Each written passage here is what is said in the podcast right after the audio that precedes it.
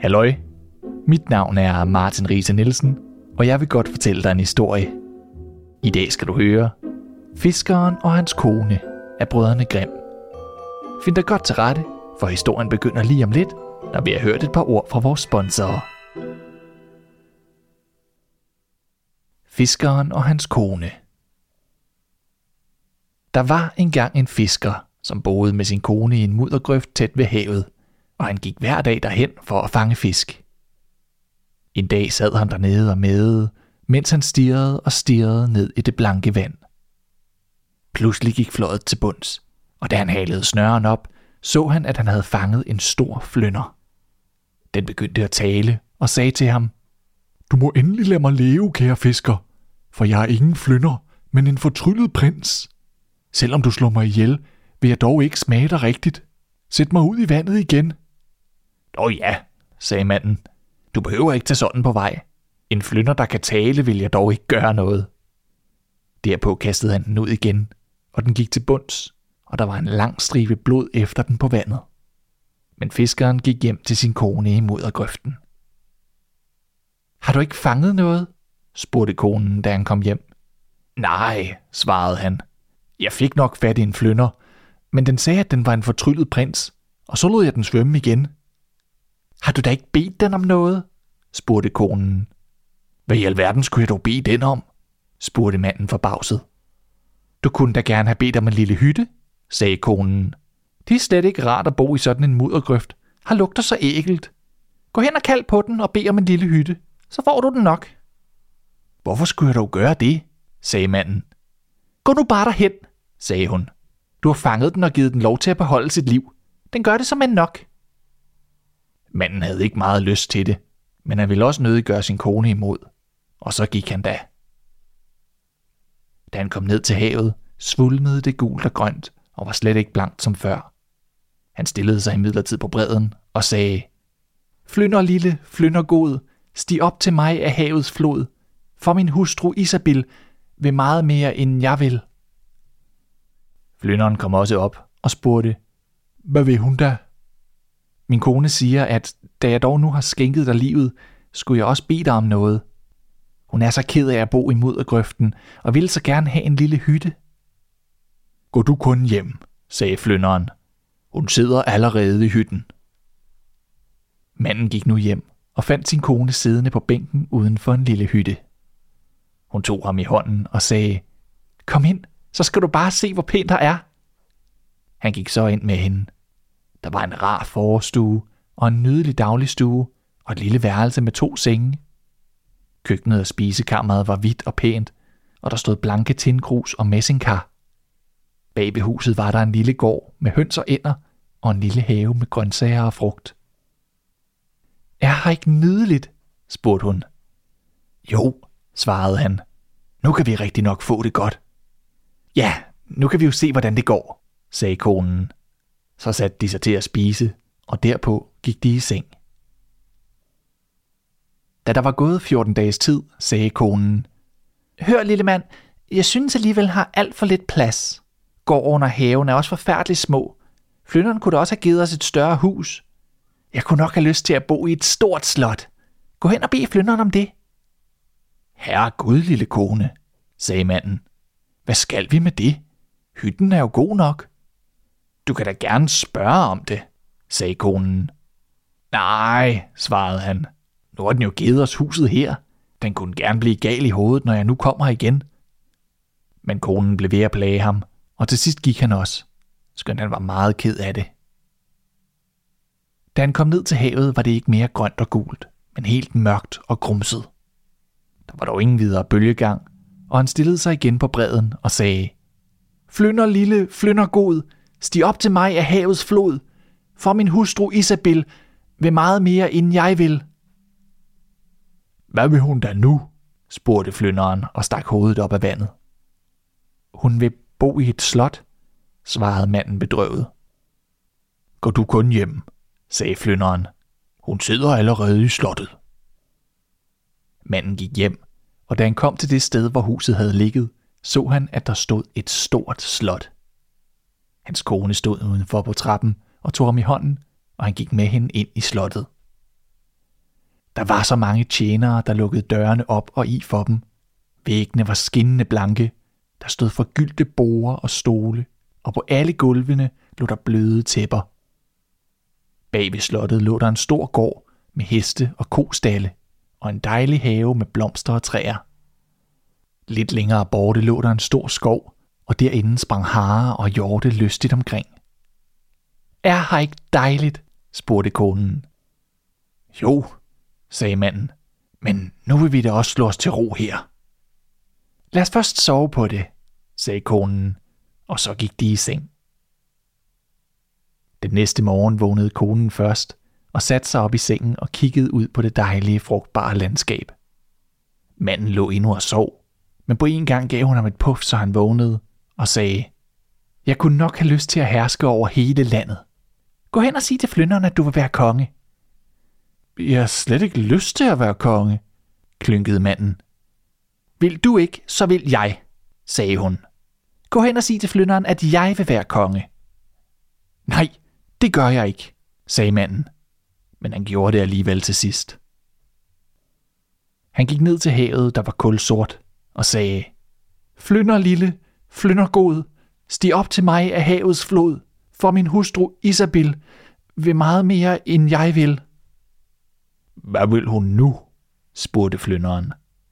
Hun vil være konge, sagde manden bedrøvet. Gå du kun hjem. Hun er det allerede, sagde flynderen og dykkede ned igen.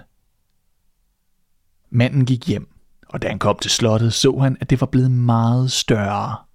Foran stod en skilvagt, og der vrimlede af soldater. Da han kom ind i slottet, så han, at det var helt af marmor og guld, og der hang røde fløjelsforhæng med store guldkvaster. Han gik nu ind i den store sal, hvor hele hoffet var forsamlet, og hans kone sad på en trone af guld og ædelstene, med krone på hovedet og scepter og risæble i hånden. På hver side af hende stod seks jomfruer, den ene et hoved mindre end den anden. Er du nu konge? spurgte han. Ja, det er jeg, svarede hun. Han stod i nogen tid ganske fortabt og så på hende. Så sagde han, nu kan du da heller ikke forlange mere. Hans kone blev helt urolig. Jeg kan ikke holde det ud, sagde hun. Gå ned til flynderen og sig, jeg vil være kejser. Nej, det gør jeg ikke, sagde manden, for det kan han ikke gøre dig til. Hvad for noget, sagde konen. Vil du gøre, som jeg siger? Jeg er konge, og du er bare min mand. Han kan akkurat lige så godt gøre mig til kejser som til konge. Manden måtte til sidste sted, men han var meget bange og tænkte, at flynderen ville sikkert blive vred. Havet svulmede vredt og sort, men manden stillede sig op på bredden og sagde, Flynder lille, flynder god, stig op til mig af havets flod, for min hustru Isabel vil meget mere, end jeg vil. Hvad er der nu i vejen? Spurgte flynderen. Min kone vil være kejser, svarede manden og så meget ulykkelig ud. Gå du kun hjem, svarede flynderen. Hun er det allerede. Da manden kom hjem, var slottet blevet endnu større og pragtfuldere. Soldater marcherede frem og tilbage og blæste i trompeter og stod på tromme. Da han kom ind i salen, sad hans kone på en vældig høj trone med en stor guldkrone på og scepter og risæble i hånden. På begge sider af tronen stod drabanter, og den største var så høj som en kæmpe, og den mindste ikke større end en lillefinger. Foran tronen stod mange fornemme folk forsamlet. Manden gik frem mellem dem og spurgte, Er du nu kejser? Han stod længe og betragtede hende. Så sagde han, Hvor det klæder dig at være kejser. Hvad står du der og glor for? Sagde konen. Er jeg kejser, vil jeg også være pave. Gå ned og sig det til flynderen. Det kan da ikke være din mening, sagde manden. Der er jo kun én pave i hele verden. Men jeg vil være pave, sagde konen. Jeg vil være pave endnu i dag. Skynd dig til flynderen. Manden ville nødig. Gør du vrøvl, sagde konen. Se til, du kommer afsted. Husk på, jeg er kejser, og du er bare min mand. Han begav sig da også på vej, men han var så bange, at hans knæ rystede under ham. Vinden jo skyerne hen over himlen og susede gennem træerne, og langt ude kunne han se skibe, der blev kastet frem og tilbage på bølgerne. Lige i midten var himlen en lille smule blå, men imod syd trak der et mægtigt uvær op. Mandens stemme skælvede, da han stod nede på bredden og sagde, Flynder lille, flynder god, stig op til mig af havets flod, for min hustru Isabel vil meget mere, end jeg vil. Hvad vil hun da nu? spurgte flynderen. Hun vil være pave, sagde manden, rystende af angst. Gå du kun hjem. Hun er det allerede, sagde flynderen. Da han kom hjem, lå der en stor kirke, omgivet af prægtige slotte. Folk trængte sig hen imod kirken, hvor hans kone sad på en endnu højere trone i gyldne klæder. Lange rækker lys stod ved siden af hende, det største så stort som det højeste tårn, og det mindste ikke større end et lille bitte vokslys. Præster og munke stod rundt om tronen, og konger og kejsere knælede ned og kyssede spidsen af hendes tøffel. Er du nu pave? sagde manden. Ja, sagde konen og nikkede. Manden gik rundt og så på hende, og blev så blindet af al den pragt, som når man ser ind i solen. Hvor du dog er smuk som pave, sagde han så. Hun svarede ikke, og han sagde da, nu kan du da ikke blive noget større. Lad os sove på det, sagde konen, og så gik de i seng. Manden var træt og sov trygt og godt, men konen kunne slet ikke falde i søvn. Hun smed sig fra den ene side af sengen til den anden, og tænkte på, hvad hun dog kunne blive, som var endnu mere end pave. Da solen stod op, og hele himlen rødmede, satte hun sig over enden i sengen og tænkte, bare jeg også kunne få solen og månen til at stå op. Hun gav sig sin mand et vældigt puff, så han vågnede. Skynd dig lidt at stå op, sagde hun. Du skal gå ned til flynderen og sige, at jeg vil være vor herre. Manden blev så forskrækket, at han faldt ud af sengen. Han troede, han havde hørt galt, og spærrede øjnene vidt op og sagde, Hvad er det dog, du siger? Jeg kan ikke holde ud og gå her og se på, at solen og månen går op og ned, uden at jeg har noget at skulle have sagt, råbte hun. Jeg får aldrig nogen rolig time mere. Gå ned til flynderen og sig, at jeg vil være vor herre. Manden faldt på knæ og rakte hænderne op imod hende. Det kan han ikke gøre, sagde han. Vær dog nu fornøjet med at være pave. Da blev konen ude af sig selv. Håret fløj vildt om hovedet på hende, og hun gav ham et spark. Så skyndte han sig at stikke i tøjet og løb, som det galt livet. Udenfor rasede stormen, så han næsten ikke kunne stå på benene.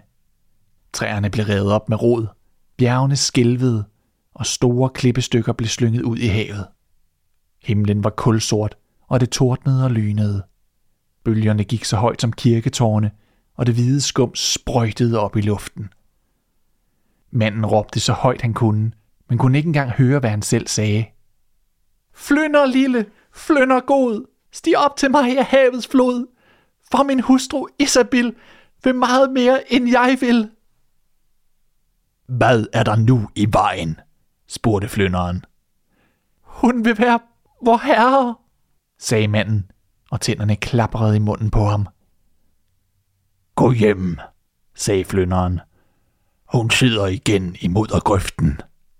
Og der sidder hun endnu den dag i dag. Det var alt for nu. Tak fordi du lyttede til Rise Fortæller. Jeg håber, vi høres ved.